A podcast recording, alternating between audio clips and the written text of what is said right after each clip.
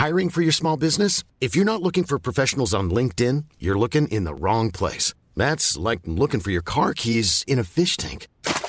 LinkedIn helps you hire professionals you can't find anywhere else, even those who aren't actively searching for a new job but might be open to the perfect role. In a given month, over 70% of LinkedIn users don't even visit other leading job sites. So start looking in the right place. With LinkedIn, you can hire professionals like a professional. Post your free job on linkedin.com slash people today.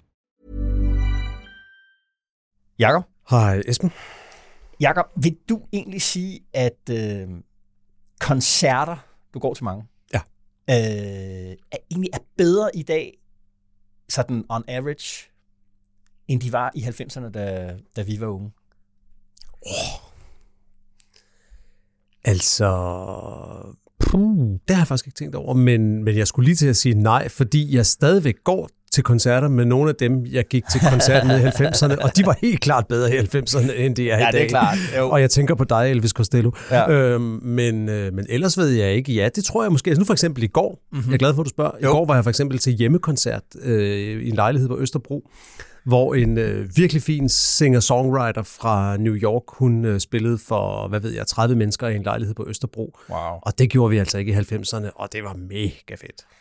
Nå, men jeg, jeg har vist den, den, den modsatte den Det modsatte, det tænker jeg nok. øh, hvad det hedder, oplevelse. Ikke? Altså, jeg har jo selvfølgelig også været til rigtig gode koncerter i 90'erne, men jeg synes godt nok også, der var mange, der var skuffende. Ja, okay. Altså højdepunkter, for eksempel uh, Smashing Pumpkins på Mhm. Roskilde i 97, tror jeg nok, Ja. var. Øh, mega dårligt, ikke? De gad ikke. Øh, og Altså, det var og- lavpunktet i virkeligheden. Ja, men, men og, og hvad det hedder, jeg til gengæld synes næsten hver koncert, jeg går til nu, er, bliver jeg virkelig imponeret af. Okay. Hvor meget energi der er i det, meget der bliver lagt i det, ikke? Og, øh, og hvor godt de spiller. Og, det- øh, øh, og min analyse af, hvorfor det er sådan, Mm-hmm. det er, at i, i 90'erne, der tjente bands deres penge på CD'er. Ja, okay. Koncerterne var ikke det, der var... Koncerterne var omdrejningspunkt. for det, så det havde Ja. ja. meget at gøre med humøret på Ja. ja. dagen, og hvor man lige var på turen, om Okay. Danmark ja. var sidste station, eller første station, eller hvad Okay. okay. det nu var. Ikke? Jo. Og i dag, der tjener bands jo ingen penge på deres plader. Hvis de, altså, Ej, du ved, streaming, det er jo helt... På, efter Spotify er kommet, der var sådan en stor diskussion ja. også omkring forfattere og alt sådan noget, at, at udgivelsen i sig selv er ingenting øh, værd næsten, og at, øh, at det derfor, at koncerterne er blevet, at det er blevet vigtige. Ikke? Jo. Og det, det, det, det, det, jeg synes, der er med det, det er, at, at det analog bliver ikke nødvendigvis uvigtigt, bare fordi at kommunikationsteknologien forandrer sig. Altså det vil sige, bare fordi at internettet er kommet, alt det der, så betyder det ikke nødvendigvis, at den konkrete virkelighed, mødet og alle Nej, de der ting bliver, bliver mindre vigtige. ikke? Og den pointe, synes jeg, går igen i politik. Okay. Jeg brugte rigtig meget tid på i ved sidste valgkamp med at beskæftige mig med politikerne på Facebook, hvor Mhm. mange penge de brugte, Ja, hvor meget jeg godt de havde, Ja. alt sådan noget, ikke? Jo. sammen med vores gode ven øh, Valdemar. Og, øh, og, og, og min pointe med det var jo på den ene side at sige, at det der med, ikke, at Facebook forandrer politik på samme måde som radioen forandrede politik, Ja. og som tv forandrede politik, det der, ikke? at lige pludselig var der en, en, ny, en ny platform. Ikke? Men, men det, jeg tror, der er ved det, det er, at den, den analoge del af politik er ikke dermed blevet, blevet ligegyldig. Altså medborgerhusene og Mhm. mm. forsamlingshusene, det at være ude i landet og møde vælgerne, det er, det, det er kombinationen af det med, med, med, med Facebook, som er, er, er de forstærker hvad, hinanden. Det er, det er sjovt. Ja, lige her til morgen havde jeg besøg af en, øh, af en lokalpolitiker fra Aarhus, som øh, kiggede forbi ja. Til en kop morgenkaffe. Jo. Og han fortalte, at øh, noget af det, han gør, han er selvfølgelig også på Instagram og Jo, jo. nogle penge i det der øh, digitale, men noget af det, han gør, det er, at han skriver, han skriver breve, mm. sådan gammeldags breve på A4-papir. Ikke, Aha. ikke noget med partiets logo på, eller, eller noget på sådan Nej, helt blankt papir. Skriver han et brev, siger, øh, jeg ved godt, øh, at nogen siger, at politikere er smadret svære at, at få fat på, men sådan skal Jo. det ikke være her. Jo. Og så går han rundt, så lægger han de der breve i folks podcast, så de får sådan et fysisk Ja. brev, de kan læse, og de kan kontakte ham, hvis der er noget, de godt vil, vil tale med ham om. Præcis. Ikke? Præcis. Ja. Hvad det hedder... Nå, men det er kombinationen netop af det der med, at man på en og samme tid ligesom er stærk digital og Mm. øh, uden den analoge øh, virkelighed. Det skal vi tale om i dag, fordi vi skal varme op til Danmarks Demokraternes første landsmøde, Ja, okay. som er her i weekenden. Og Inger Støjberg, og, det, og det foregår ikke bare digitalt. det foregår ikke bare digitalt, øh, men Danmarks Demokraterne startede jo mm. øh, i kraft af Inger Støjbergs helt eminente øh, evne som, øh, som en Facebook-baseret øh, politiker. Ja, i lang tid var det jo ikke et parti, man kunne melde sig ind i. Der var det en bevægelse, man kunne abonnere på. Ja, og blive venner med. Blive venner med. Ja, ja. det kan man stadig. Ja. Øh, de, har, de har delt det op over Danmarksdemokraterne, så der er medlemskabsmedlemskab Okay. og vinde-medlemskab. Ja, okay. Mm-hmm. Så hvad det hedder, og hun har jo været øh, på, på ivrige ture, øh, ikke mindst i det vestsjællandske. Mm. Det synes jeg bare er, så hende skal vi tale om i dag, ja. Lækkert. Så skal vi tale om en anden meget øh, vigtig kvindelig politiker, Margrethe Vestager. Ja. Vi havde jo lidt en sjov oplevelse med hende i Ja, var- Industriens Hus det havde vi øh, i, øh, i, i mandags, fordi hun har jo lige pludselig spillet sig selv på banen til en tredje periode som EU-kommissær, ja. selvom hun faktisk egentlig jo søger job i den europæiske investeringsbank. Ja, der opstod jo sådan en komisk scene, kan vi godt sige her, inden vi begynder at tale om det, bare som teaser, at, Ja. at, øh, at det, det siger hun jo i et interview Ja. øh, på scenen med Lykke Friis Ja. til det her arrangement i Tænketanken Europa, som foregår over i Dansk Industri. Ja. Vi sidder begge to og hører det. Ja. Og senere så er Margrethe Vestager gået, men Lars Lykke er på scenen og Ja. ja. bliver også interviewet af Lykke Friis. Ja.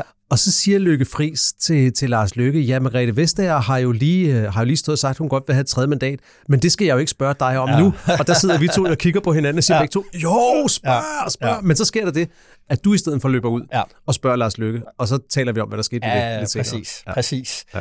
Og så har det jo været øh, den store milliardregns uge, øh, 2030-plan, skattelettelser og sådan noget. Den tænker jeg, den skulle vi også lige øh, runde øh, Pengene til, til fosser ud af statskassen. Præcis. Så altså, det er, det er Støjberg, det er Vestager, det er 2030-plan. Er det ikke, øh, er ikke det? Men, men det, sig mig lige, betyder det, at vi overhovedet ikke skal tale om FE-sagen i en uge, hvor øh, Mette Frederiksen to gange er blevet grillet i Folketinget om den sag? Øh, ja, altså øh, resultatet af de der både spørgetime i tirsdags og hasteforspørgselen øh, i onsdags, det er, at efter alt at dømme, sådan som tingene står lige nu, så er den sag politisk død. Øh, Okay. Oppositionen, altså halvdelen af den gider slet ikke bruge tid på det, altså venstrefløjen gider ikke bruge tid på det. Det er kun nogen af de borgerlige, der sådan rigtig investerer i at, at prøve at gøre det til noget, og den, til den der hasteforspørgsel, der var Martin Lidegaard den eneste partileder, der, der mødte op. Og der blev råbt højt, øh, men, men jeg tror også, at der blev råbt højt, fordi at nu er det Alright, men øh, det er dig, der bestemmer, og hvis det er sådan, det er, så øh, tager jeg mig lige den frihed, og siger, vi skal nok holde øje med den der fe Åh, jo. jo, hvis der vender noget op. Men så tager jeg mig lige friheden, og så siger jeg, øh, velkommen til Dekopol.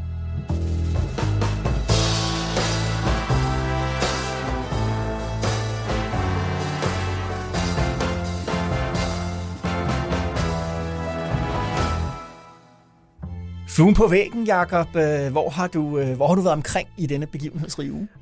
Jeg vil godt lige tage dig med et stykke til USA. Jo. Øh, Et af de klip, som man har kunnet grine af i ugens løb.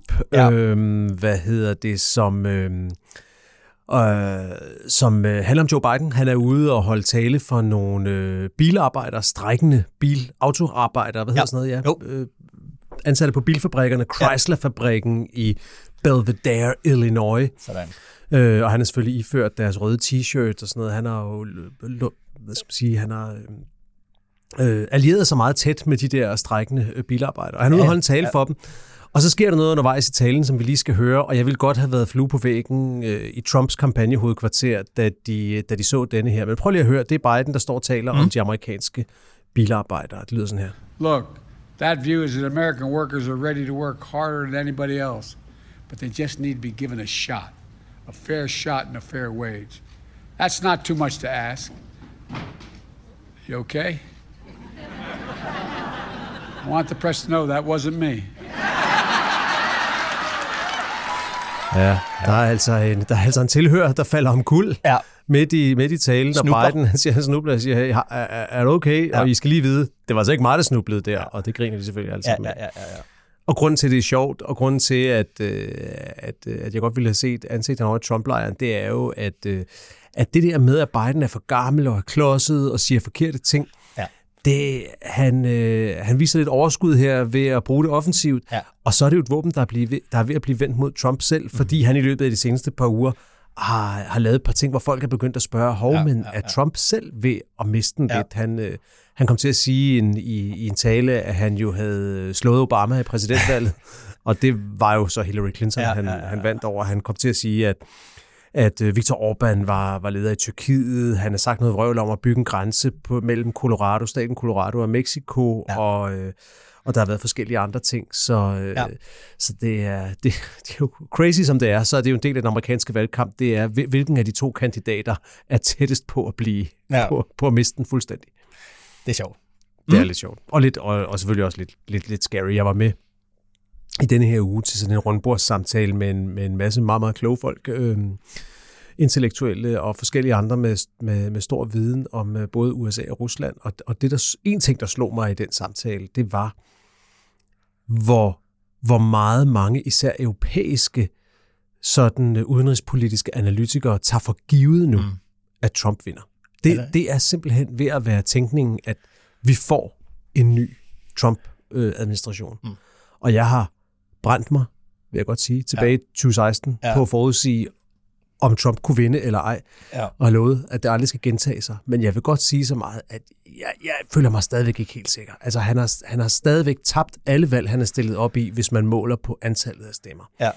Der er blevet mobiliseret amerikanere til at komme ud og sige, at vi vil ikke have ham som præsident, men men det er også klart, at han, øh, han fører i, i målingerne i flere delstater nu jo. i en direkte en til en, en mod ja. en mod, øh, mod, mod Biden. Så det er en reel, det er en reel en reel bekymring, og noget, som europæiske regeringer er nødt til at sidde og lægge mm. planer for nu. Hvad gør vi egentlig, hvis han kommer tilbage? Ja, ja helt klart.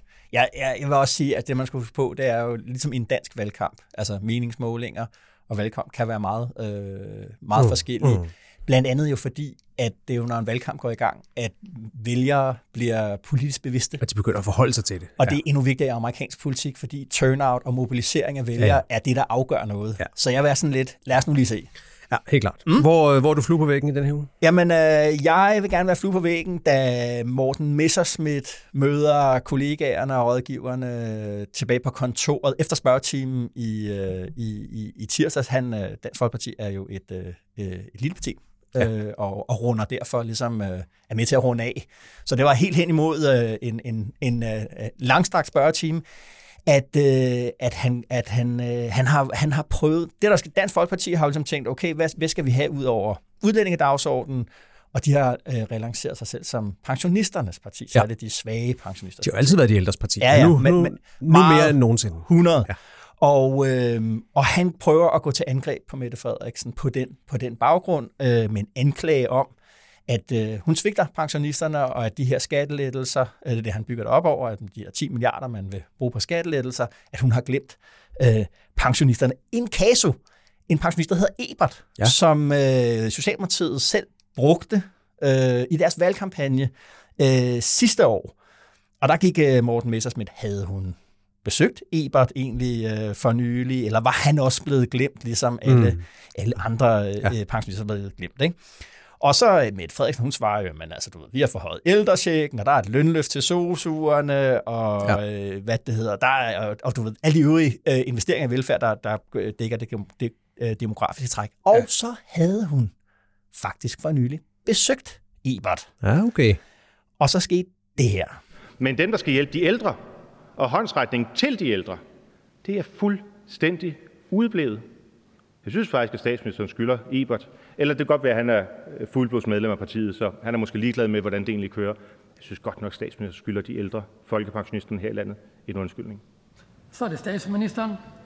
Ja, man kunne starte med at tale respektfuldt om alle ældre. Øh, og jeg kender ikke til nogen øh, partitilhørsfolk, men jeg synes, man skal tale ordentligt om vores ældre. Det vil jeg også opfordre Dansk Folkepartis formand til at gøre. Jeg synes, det var en mærkelig måde at tale om en navngiven person, der sidder på et plejehjem i Danmark. Au, au, au, au, au, au ikke? Altså, øh, i, med, med et træ slag, så har så forlykkedes det Messersmith at gøre ham der Eber til en skurk. Han ja. var jo et symbol på alle de ofre, som han ville tale på vegne af, og lige pludselig så har han gjort ham til en, en, en skurk. Han angriber ham personligt Lige pludselig var han en partisoldat. Ja, præcis. Ikke? Angriber ja. ham med navns nævnes inde i Folketingssalen. Ja. Ikke? Og Mette Frederiksen, hun, øh, det, altså, der er hun for dygtig til at lade den slags. Ikke? Ja. Og der får han altså tisk. Og altså, der vil jeg bare godt lide, altså man kan, man kan gå ind i Folketingets uh, tv og se det. Uh, noget slukket uh, går Morten Messersmith ja, jeg, så, jeg, jeg, jeg sad godt og så det, så godt hans ansigtsudtryk, lige ja. da han fik den der i hovedet. Der var han lige sådan det der rådyr, der bliver ramt af lyskejlerne. Ja, det vil jeg godt lige have været, uh, ja. have været med ned og se, hvordan ja, okay. de tog den ned.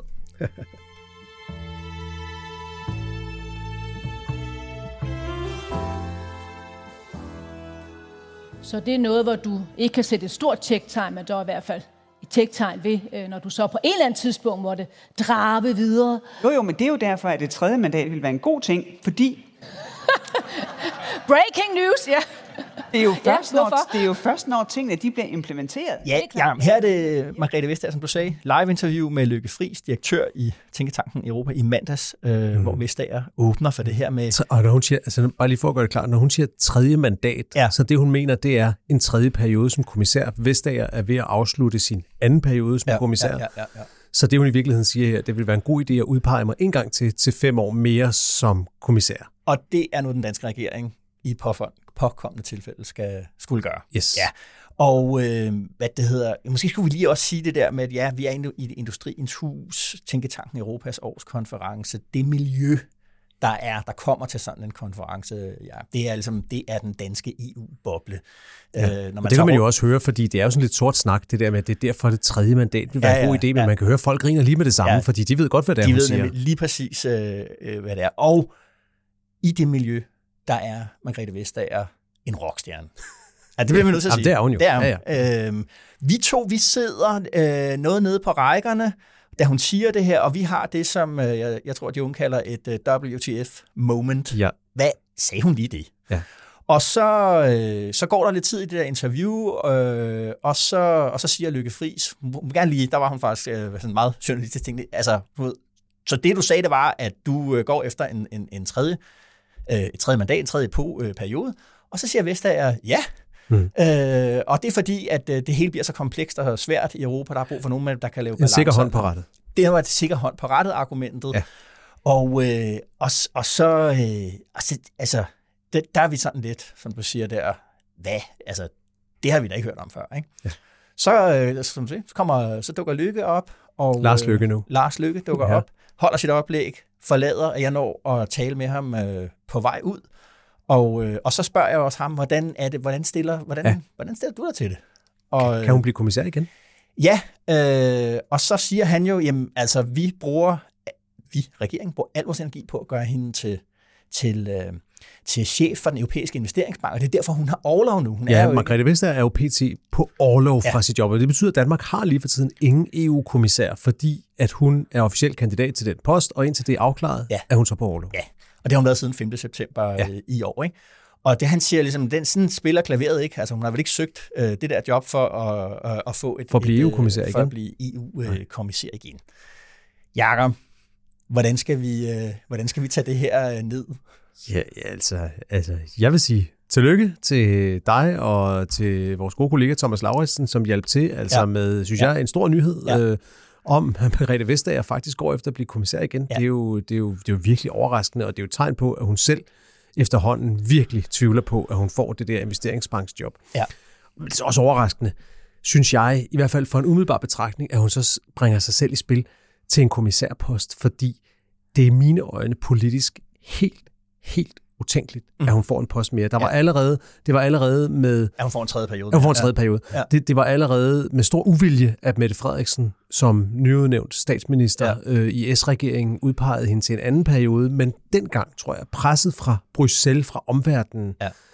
Var så stort, at hun ikke rigtig kunne lade være. Margrethe Vestager ville gerne. Mm. Hun havde mulighed for en meget, meget indflydelsesrig post. Hun blev ja. også ledende næstformand i kommissionen det havde været meget svært for Mette Frederiksen at argumentere for, hvorfor man sendte en, ja. undskyld, jeg siger det, juniorpolitiker ned, når ja, man havde ja, Margrethe Vestager. Ja.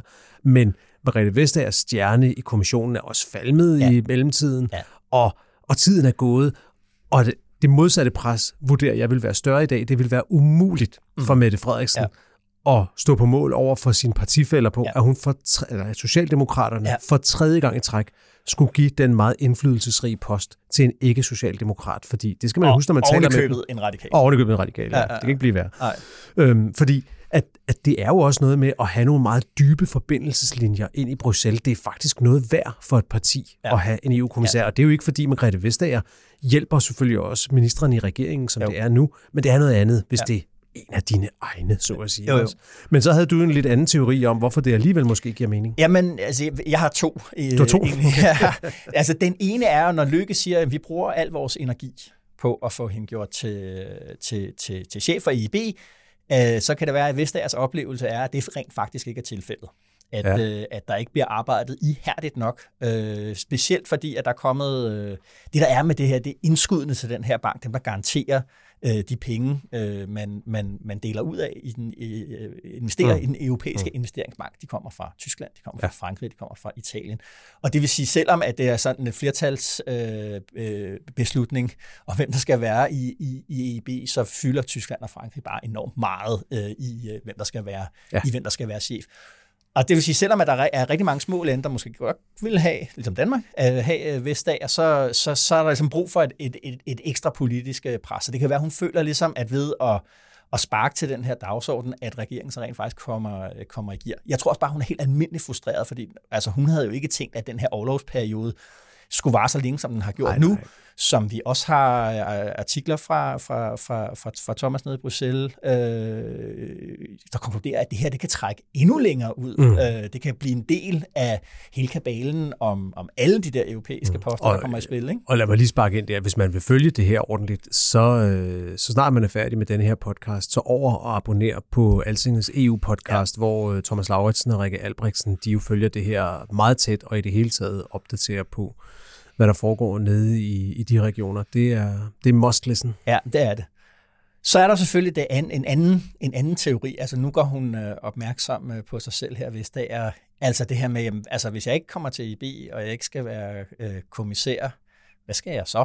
Mm. og det kan man sige, der er, sådan, øh, der er jo, øh, hvad kan man sige, Rit Bjergård-modellen for oh. politiske trusler. Jeg fandt øh, et, øh, et, et, øh, den måde, Rit Bjergård blev kommissær på i første omgang. Ja Øh, det var jo øh, resultatet af, at vi havde fået en ny regering der i 93. Ny og Lykketoft øh, kom der. Arbejdsløsheden var kanonhøj, og de var nye i regeringen og skulle i gang med det. Og alt imens mm. de sådan ligesom kæmpede for at få styr på butikken og få gang i 90'erne og alt det der, de talte ja. om, ja.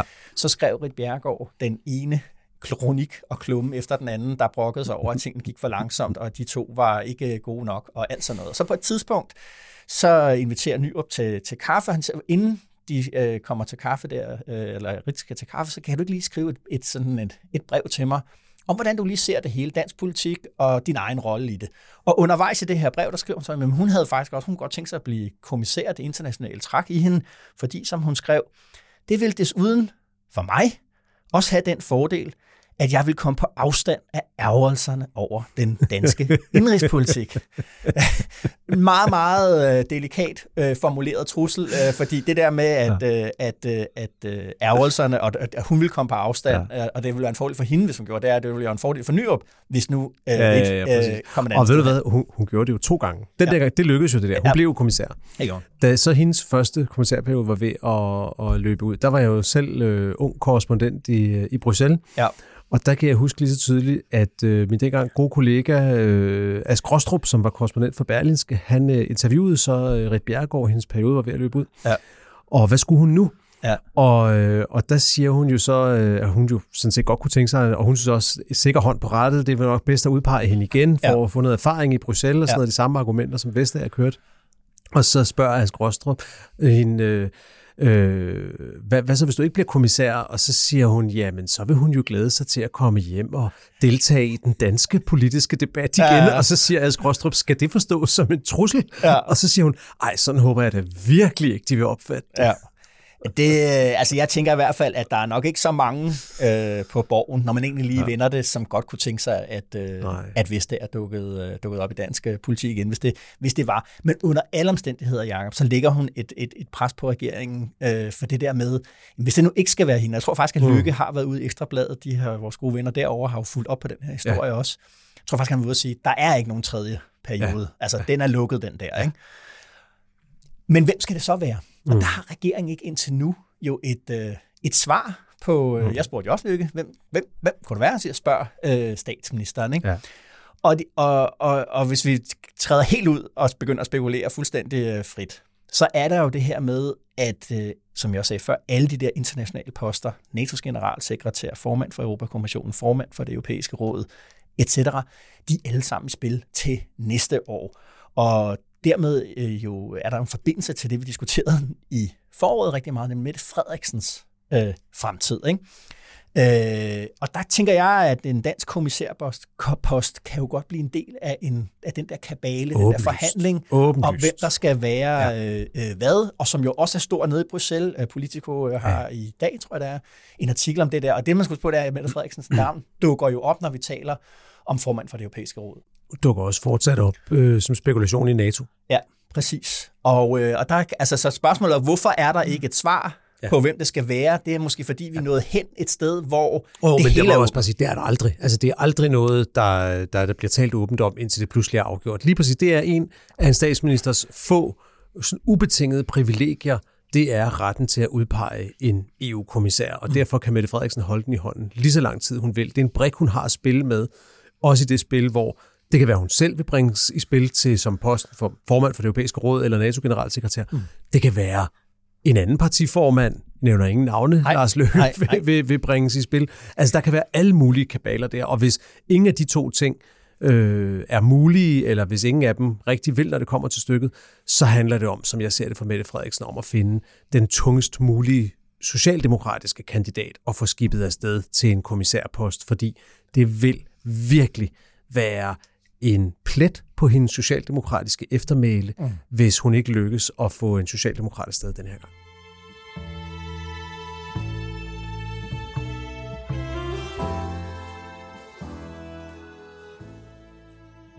Hej venner, så lukker Inger.dk, og det gør det selvfølgelig, fordi at Danmarksdemokraterne er kommet til verden, og jeg tror også godt, at jeg tør at tage munden så fuld, som til at sige, at øh, er kommet rigtig godt fra land også. Så alt det, du plejer at se her på siden, det kan du nu se over på Danmarksdemokraternes hjemmeside. Men selvfølgelig også på Danmarksdemokraternes Facebook-side, YouTube, på min egen Facebook-side. Øh, så følg endelig med. Så alt det indhold, du plejer at følge med i her, lives og alle de der ting, der bliver ved med at være, være lives, hvor man kan ringe ind og, øh, og tale med mig. Ja, ja.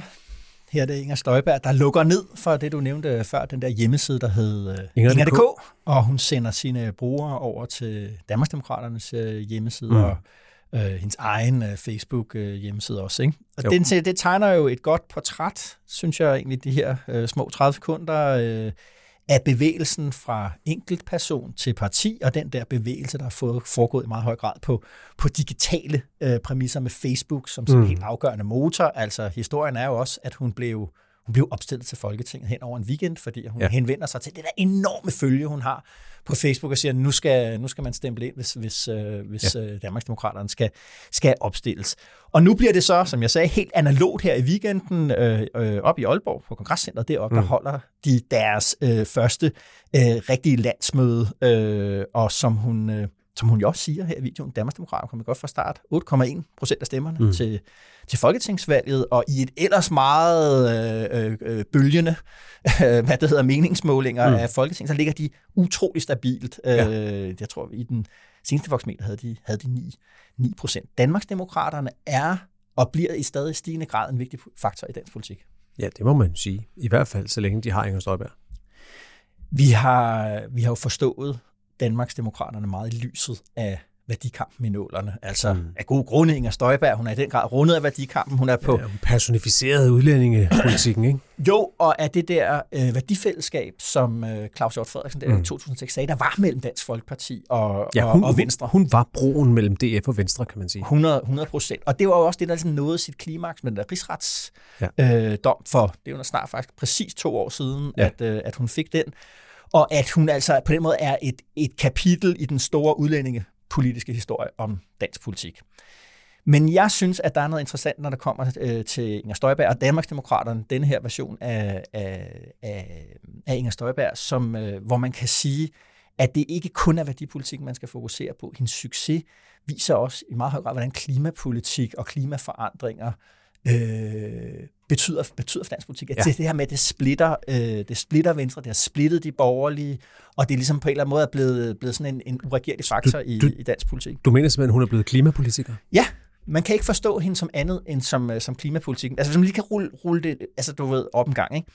Altså parallelt med hele den der historie om, du ved, Lykke, der bliver væltet i 19, og Ellemann, der, der tager over, og hun er tiltalt i rigsretssagen, og bliver dømt, der træder ud af Venstre, mm. og, og alt det der, og Inger DK, som vi talte om før.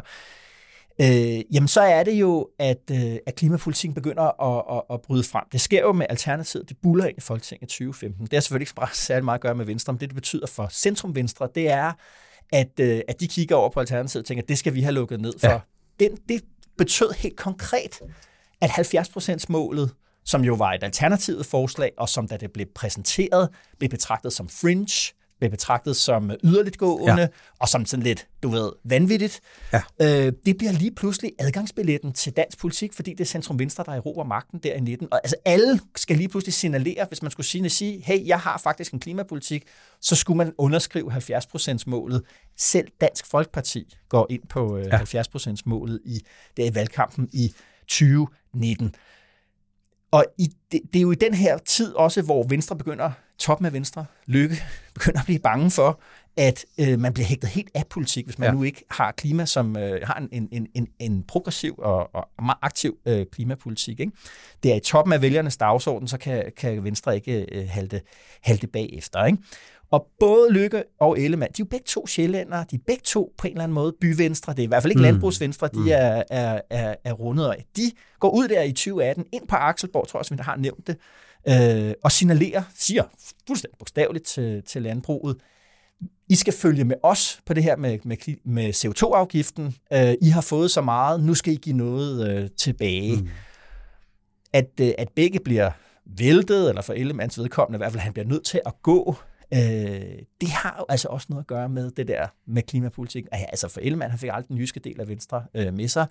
Det var også først efter, at Lykke havde introduceret de her idéer om, at nu skulle der komme den der CO2-skat, at den der jyske del af Venstre besluttede sig for, at nu var, nu var der altså nok med alle de der ja. øh, skandaler, og nok med Lars Lykke. Ikke? Jo. Og, og, og det er jo også i den der periode, hvor, øh, hvor Inger øh, bryder ud og danner sit parti, og hun har meget, meget dygtigt, synes jeg, øh, set, hvordan klimapolitik skaber en, en, sådan en, en, en, en splittelseslinje ned igennem øh, det danske vælgerkorps, mm. og har formået, hvor man, hvor det vi taler med, med Messersmith, der har han ligesom tænkt, okay, udlændingepolitik plus hvad? Ældrepolitik. Inger Støjberg har været dygtig til at se, at den her udkantsproblematik, der, der har mm. klimaet som, som sit ja. omdrejningspunkt, øh, at det, det er noget, der kan politiseres, og at hun er klimapolitiker, mm. det er jo symboliseret ved, at at Landbrug Fødevares formand, Søren Søndergaard, han er jo gæstetaler ja. til Danmarksdemokraternes landsmøde. Det er nemlig super interessant, og så vidt vi ved, dog er han ikke planlagt som taler på Venstres landsmøde ugen efter, så altså formanden for Danske Landbrug ja. møder op hos Danmarksdemokraterne, ja. Ja. ikke hos Venstre. Mm. Det er et stærkt signal. Det, det, det svarer jo lidt til den gang, hvor, øh, hvor Dansk Metal øh, mødte op på Venstres landsmøde, ja. altså hvor man tænkte, hov, I hører hjemme på et andet landsmøde over ja, ja, ja, hos Socialdemokraterne, og pludselig stod de hos Venstre. Ja. Og det er, altså Landbrug Fødder, det er jo den store, det er ikke bæredygtigt landbrug, det er, det er, den, mm. det er den store samlende organisation, ja. som lige pludselig dukker op, og på den måde jo er med til at legitimere. Ja. Og hvad handler det om? Det handler om CO2-afgift, mm. og, der, og man kan jo ikke, altså, man taler til, med, med, med, med dem i, i Danmarksdemokraterne, det er Altså, det bliver det fokus, fokus, fokusområde ja. fra her hen over på, øh, vinteren. På den måde skete der noget sjovt i denne her uge, som ikke fyldte super meget i medierne. Normalt er medierne jo rigtig meget med, når der er politiske landsmøder, men i denne her uge var der jo et delegeret møde, ja. men som også er en slags landsmøde, ja. i netop landbrug og fødevare. Og netop i, i Herning. Og det var sted i Herning, lige præcis. og der var vores gode kollega Andreas Arp over ja. og har skrevet en, en fremragende reportage for det. Vi kan lige lægge den i shownote, og måske lige uh, åbne den i et, uh, i et døgns tid for, uh, for DK Pols lyttere, så de, kan, så de kan læse den, selvom de ikke er abonnenter på ja. Altinget Fødevare. Men, øh, men det, der foregår i, øh, i den øh, reportage, det er jo, at der kommer Venstretoppen jo så til gengæld til landbrug og fødevare. Ja. Hvis de ikke kommer til Venstre, så kommer Venstre til dem. Ja. Både Troels Lund Poulsen og Jakob Jensen er der, og faktisk også øh, Erling Bonnesen, som vi talte om øh, i en tidligere udgave af ja. Pol. Ja som jo optrådte i det her øh, interview med Altingets Hjalte Kravsten, som ja. gik viralt, fordi Erling Bonnesen har nægtet at anerkende ligesom præmisserne for, at der bliver udledt for meget kvælstof ja. i, øh, i, i Danmark. Ja. Og, og de møder alle sammen op på, på Landbrug og Fødevares øh, årsmøde, og, og Troels Poulsen, han, øh, han går på talerstolen og siger, at, øh, at de skal huske, at det er de tunge økonomiske ministerier, læs blandt andet ham selv, Aha. der kommer til at sidde for bordenden i denne her kommende trepart med landbruget, som, ja. skal, som skal forhandle videre om de ja. her ting. Ja. Og der siger han, det mener jeg, at man skal være rigtig glad for i landbrug og fødevare. Så han prøver ligesom at betrygge dem, og ja. Jakob Jensen går endnu videre, altså fødevareministeren, og, og siger, at, øh, øh, siger i sin tale, at han er inspireret af, af cykelholdets hjælperyttere. Ja. Ham, der skal skærme toprytteren fra vinden og andre ja. udfordringer på vejen mod målet. Sådan en hjælperytter vil jeg gerne være for dansk landbrug, siger Ja. han. Ja. Og det høster bifald fra ja. forsamlingen. Ja, og hvad er vinden så? Det er jo, Ja, ja, vinden, det er jo det- CO2-afgiften, det er det, CO2-afgiften. det er indgreb i på, på, på kvælstof. Så det viser, det viser selvfølgelig noget om landbrugets øh, magt, og hvorfor at Venstre er presset nu, det er klart. Øh, dårlige meningsmålinger, og at, at, det, at Inger øh, Støjberg Mm. jo har, er jo på vej til at løbe med landbrugsvenstre. Mm.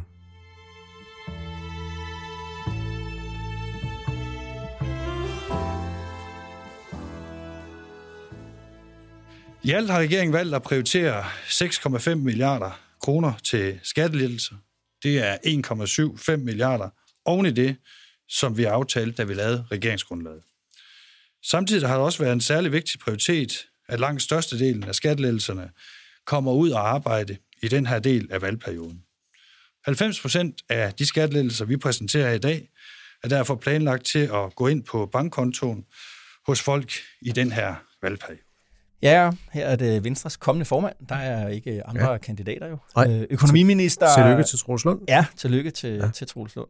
Økonomiminister Troels Lund Poulsen, der indleder ja. en uge, hvor det ikke bare sådan helt bogstaveligt har regnet rigtig meget, men hvor det også har regnet med, med milliarder. Herunder til skattelettelser. Øh, og det skal jo øh, det være Venstres helt store trofæ, som man gerne vil promenere rundt i det, i det borgerlige Danmark og vise de borgerlige vælgere, at det var den der rigtig gode idé, at man gik i regering. Mm. Tror du, det, tror du det, øh, det, det, den, det, den idé kommer til at bære, bære frugt, Jacob? Altså 6,75 øh, milliarder kroner til, til skattelettelser, at det, Om det redder Venstre? om det, ja, betyder det? Nej, nej, det tror jeg ikke. Nej, hvorfor ikke? Jamen fordi, som vi også har talt om øh, her, øh, her for nylig, så, så, så synes jeg, at Venstres problem i den regering er, er nærmest strukturelle. Altså, de, ja. Vi har lige talt om, om Støjberg, om deres problem med, med hende på den ene side. Ja. Det giver dem nogle gigantiske problemer internt i regeringen, fordi Venstre kommer til at stå i modsætning til de to andre partier, og det er også, der er også grænser for, hvor lidt de kan holde til ja. at Ja. gøre, især Socialdemokratiet ja. selvfølgelig. Ja. Så det giver nogle problemer internt i regeringen, og så det andet, at ud over Støjberg, så har Venstre jo også et problem til den anden side, til, ja. til, til, til Lars Løkke. Ja. Og, øh, Som var i hopla under det pressemøde, Ja, ja, ja. ja. Der, der vi lige eftertøller klip fra her. Ja. Ja, og, og derfor, altså, Venstres sejr der er også Lars Lykkes sejr, Ja. og derfor er det lidt venstre mod venstre, og hvem vinder den? Og der har jeg stadigvæk svært ved at se, at Troels Lund står tilbage i den brede befolkning som den store vinder. Altså, der kan man jo også sige, der er jo ikke etableret en fortælling om, at han har kæmpet noget særligt hjem her. Så kunne det være, at han skulle have, altså, så kunne det være, at der skulle have været indtrådt en krise i de her forhandlinger, ja. Sådan så at alle viserne vil skrive om, nu truer Troels Lund med at gå fra det hele. Ja. hvis ikke han får mere eller et eller andet. Men det kom jo ikke. Altså, det var sikkert forhandlet på plads. Det er det jo. Så du ved, nej, altså, jeg tror ikke, det redder dem. hvis, hvis, altså sådan, på sådan det der mikrotaktiske niveau, det at top-top-skatten er der. Altså, det gør bare, at, øh, at det her bliver jo meget forbundet med, med lykke. Det er jo ham, der ligesom Ja. ja. kan gå og sige, jamen, det var jo det var, var mig, der, det var Ja, mig, ja. der fandt på det der begreb, Ja. ja. og siden har alle jo øh, overtaget det. Ikke? Nå, Jo. jeg synes, jeg er enig, og, og øh, øh, der er også et andet element. At det er jo blevet fremhævet som sådan en stor strategisk sejr for Venstre, at, at nu har man ligesom fået nedlagt den der modsætning mellem skattelettelser Og øh, velfærd. og velfærd. Ikke? Den har øh, gjort rigtigt. I, I venstrefolks øjne, i deres analyse, er det det, den modsætning har, der har gjort ondt på partiet Mm. mm i, i, øh, i, i så mange år. Øh, men jeg er også tvivlende her på den der kalkyle, fordi og grund, grund til, at det her det er jo placeret i 2030-planen, det er, at de her skattelettelser, de er jo råderumsfinansieret. Det vil sige, de er ikke finansieret på, at man skærer ned på en ydelse, eller at velfærdsstaten holder op med at gøre et eller andet, du selv skal, skal, skal betale for. Og det skal man sige, så har man jo, samtidig med at Socialdemokratiet har opgivet modsætningen mellem skattelettelser og velfærd, så har Venstre jo opgivet det her med, at øh, det er en borgerlig pointe med skattelettelser, at de på en eller anden måde skal udmåle, at du ved, at du har fået større personlig ansvar og en større øh, frihed. Du skal selv betale for nogle ting, du skal selv lægge Mm. til side. Øh, Det er der ikke tale om her. det er der ikke, det er der ikke tale om her, og det er jo også derfor, at Troels Lund Poulsen øh, taler om, når han skal præsentere de her skattelettelser, det er et skulderklap, siger han til Mm. de arbejdende danskere, hvor jeg tænker, skulderklap for hvem? Mm. velfærdsstaten. øh, og det, det, det, altså, så bliver spørgsmålet jo så dermed, er det her skulderklap så så stort og flot, at flere vil stemme på Venstre? Og der vil jeg gerne våge den påstand, øh, og være enig med dig, at det er det ikke. Slet ikke, når indfasningen er, du ved, løbende over på et år, som han siger her. Det er ikke noget, der kommer lige nu. Det er noget, der bliver indfaset i løbet af den her øh, øh, ja. valgperiode. Ikke? Jeg synes også, der, der er bare, altså, øh, vi skal ikke gøre os til dommer over det der med, om der er en modsætning mellem velfærd og skattelettelser, men vi kan godt konstatere så meget, at der er en manglende sammenhæng i argumentationen, fordi mm. på den ene side siger man, det er der ingen sammenhæng imellem, ja. men på den anden side står man og udmåler et råderum nu, ja. og siger, vi har så og så mange millioner, ja. og halvdelen af det giver vi til skattelettelser, halvdelen af det bruger vi til velfærd. Mm. Altså, når man selv opstiller det, det regnestykke, ja. så, så er det meget svært samtidig at påstå, at det ikke ville have gjort en forskel, hvis man havde prioriteret anderledes ja. og sagt, vi giver det hele til velfærd. Ja, ja. Altså, og ja. det var også det, man kan se i de interviews, tv-stationerne har lavet af herre og fru Danmark ude på gaden, det er, at rigtig mange, altså der er danskerne jo et af de mest bizarre lande i verden, vil mange mene, hvor folk siger, ej, så vil jeg altså hellere betale lidt mere skat. Undskyld. Ja, altså det, det er den danske folkesjæl. Ja, det er det, men det er jo selvfølgelig også, altså det er det jo også, fordi det er sådan nogle afideologiserede øh, øh, skattelettelser, ikke? Altså jo. fordi, når, det, det er ikke, altså der er ikke den der transaktion af, af, af, af, hvad kan man sige, af skat for frihed,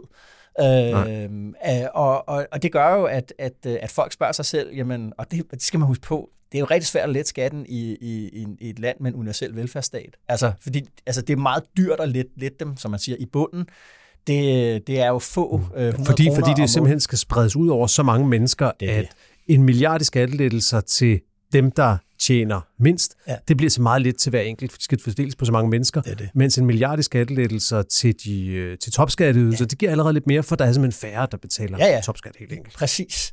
Og det er jo også gør, så, så siger folk også ligesom, du ved, har jeg brug for 200 kroner mere? Er det det, der ligesom gør forskellen? Ikke? Øh, det, det, det, er en svær operation. Men den der, den var meget sjov, fordi den optrådte jo i spørgetimen i denne her uge. Det var, ja. det var Pelle Dragsteds ja. angrebspunkt det var det. På, øh, på statsministeren ja. i denne her uge, ja. at sige, øh, og sige lige præcis, hvorfor skal, hvorfor skal de, øh, de lavslønnede i Danmark spises af med håndører? Ja. Og der skete jo noget meget interessant, fordi Mette Frederiksen havde været lidt i defensiven i den spørgetime, ja, ja, og det var ikke alt, hvor hun havde, hun havde svaret en del udenom, og der var noget med FE-sagen, og hvor hun måtte træde lidt vande og sådan nogle forskellige ja, ting. Ja, ja, ja. Men der, mm. lige der, der fik hun ild i øjnene, mm. og der kom den der angrebsivrige Mette Frederiksen tilbage, ja. fordi der fik hun noget at holde fast i, og hun sagde, han skulle ikke komme her og kalde det håndører. Ja. For rigtig mange mennesker, ja. sådan et par tusind kroner, det er rigtige penge for rigtig mange mennesker, ja. og det gør en forskel. Og ja. det, var, det var faktisk et øjeblik, der svarede lidt til det, vi snakkede om med Messersmith tidligere, ja. hvor Pelle Dragsted pludselig var kommet til at stå i en situation, hvor han blev udlagt som om, at et par tusind kroner var ligegyldige. Ja det var, det var ret interessant. Ja, det er interessant, men, men, men pointen er selvfølgelig, at, at øh, det, det er jo et par tusind om, om, om året, året, ja, ja, om året mens at, ja. at det for folk, der tjener mere end 60.000, så begynder det lige pludselig at blive mm. rigtig, rigtig mange. Det er jo 1000 kroner om måneden lige mm. pludselig. Ikke? Så, så, så ja, men under alle omstændigheder, øh, så det, det var så mandag, og der fik Venstre lov til at shine med sine skattelettelser. Så bliver det, så bliver det tirsdag, og, øh, og Nicolai Vammen kan præsentere 2030-planen, som jo virkelig bruger øh, mange, mange milliarder. Tallene er, ja. er, er, er fløjet rundt, så man jeg har lidt svært ved at få, få overblik over. Øh, mm. Mange af pengene er jo også allerede blevet, der er blevet holdt pressemøder på rigtig mange af de øh, penge ja, ja. Øh, allerede. Ikke? Og der er det så, at vores gode kollega Kim Rosenkilde, han, øh, han tager, et, et, tager, sin, øh, tager sin øh, lommeregner frem og begynder at regne på, ja. altså, hvor mange penge er der egentlig øh, tilbage, når øh, 2030-planen er, er udmyndtet der, hvor mange, hvor mange frie midler er der så tilbage? Bruger man hele råderummet, og hvor meget er der er der egentlig tilbage? Og det står, øh, hvad det hedder, øh, helt lysende uklart. ja, lysende uklart. Det skriver Finansministeriet ikke så meget om, øh, ikke så meget om selv. Og det er jo super interessant i forhold til den nuværende konflikt, eller hvad kan man sige, politiske spænding, der er mellem kommunerne og kommunerne og stat. Ja. Fordi at der bliver jo skåret ned ude i kommunerne. Det har man så prøvet fra regeringens side. Det handler meget om indeværende budgetter, og næste år der kommer der meget mere. Men de frie midler, Jacob, øh, det, det der er tilbage at forhandle om, så at sige, det handler jo rigtig meget om, hvad, hvad kan kommunerne selv ligesom forhandle sig frem til, hvad kan mm. de, ligesom, det kommunale selvstyre, hvad kan de mm. selv bruge, og hvor meget er egentlig allerede fastlagt fra, ja. fra, fra centralt hold. Og det spiller jo så også ind i hele den der frisættelsesproblematik. Mm. Ikke? Jo. Og der tænker jeg meget det der med, at regeringen er så presset i, øh, i, i meningsmålet. Den her 2030-plan kommer så meget senere, end det egentlig var planlagt.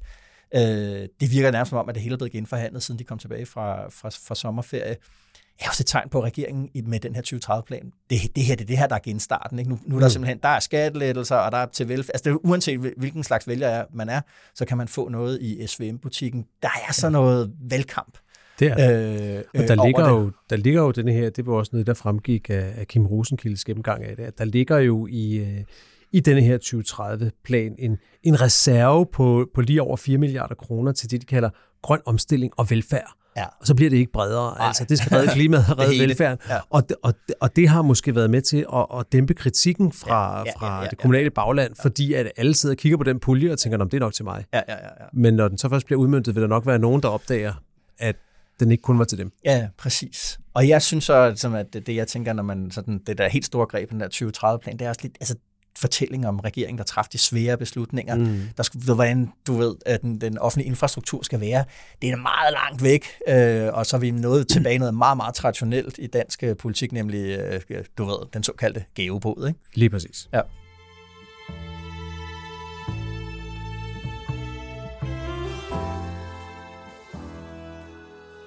Ja, ja, det var det. Weekenden øh, banker venligt på døren. Hvad skal, du, øh, hvad skal du bruge tiden på?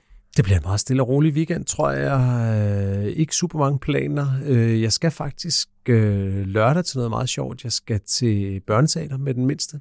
Øh, ind og se øh, et stykke, som hedder Frøken Ignora og Mr. Geo. Aha. Det er øh, teater, der bygger på nogle børnebøger skrevet af Katrine Marie Gullager, og øh, kan varmt, varmt anbefale, hvis Ja. man har børn sådan... Jo. På måske op til 10-11 år, eller Mhm. sådan et eller andet dejlige børnebøger. Det skal vi ind og se som, øh, som teater. Det er sådan en dejlig lille familieaktivitet. Nå, hvor det lækkert. Hvad skal du lave? Øh, jeg skal lave Osobuco. Nå, Ja. det har jeg da Øh, ikke øh, hørt så meget om. Nej, men det er, hvad det hedder, det er, det er planen at lave Osobuco øh, Okay. i, i, Og i morgen. hvorfor lige øh, Ossobuco? Det regner. Ja. Og er koldt. Og så begynder man jeg at elsker det der simmer og simmer noget Mm. der. Den, jeg føler ligesom, at øh, det er en ret, jeg har nede. Ikke? Men ellers Okay. så står det på øh, fodbold lørdag med den ældste og ridning tidlig, tidlig søndag morgen. Okay, Ja. og så øh, hvis, ja, hvis humøret er til det, så kan det også godt være, at jeg tænder for, for noget fodbold søndag eftermiddag, men altså... Der er jo øh, derby.